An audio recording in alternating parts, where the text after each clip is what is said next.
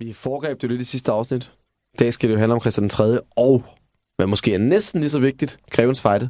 Ja, Grevens Fejde. Frederik den Første, han dør i 1533, inden han har kunnet nå at udpege sin egen efterfølger.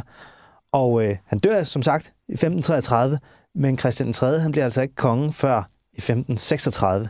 Vi har lige tre år her, hvor der ikke er nogen konge, og det er jo fordi det danske rigsråd, de øh, kan ikke rigtig lige finde ud af, hvem det er, de skal udpege som øh, Frederik den Førstes efterfølger. Vil sige, han, han bliver reelt udpeget af rigsrådet i 1534, men regerer først over hele riget fra 1536. Så der er i hvert fald et år, reelt et helt år, hvor der ikke er nogen øh, trone, hvor der ikke er nogen konge på den danske trone, et såkaldt interregnum. Ja, og det er fordi, at Rigsrådet i første omgang prøver at forhale sagerne lidt. Øh, den umiddelbart øh, mest oplagte kandidat øh, til at afløse Frederik den Første, det er jo hertugen af Slesvig-Holsten, nemlig Christian. Han er nemlig den ældste søn af Frederik den Første. Men der er det her problem, det er nemlig, vi nævnte det i sidste afsnit, han er protestant, og det kan de katolske medlemmer af det danske rigsråd ikke lide.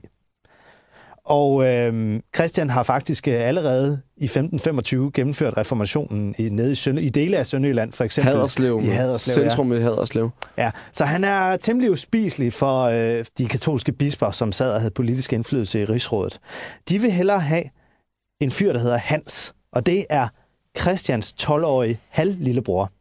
Han er nemlig katolsk, Katolsk opdraget i hvert fald. Ja, han er, han er måske ikke helt færdig med at forme sin egen identitet endnu, men øh, man regner med, at han nok vil blive en god, ordentlig katolik, som øh, det danske rigsråd kan samarbejde med. Men altså, problemet er, at han skal jo have en formynder.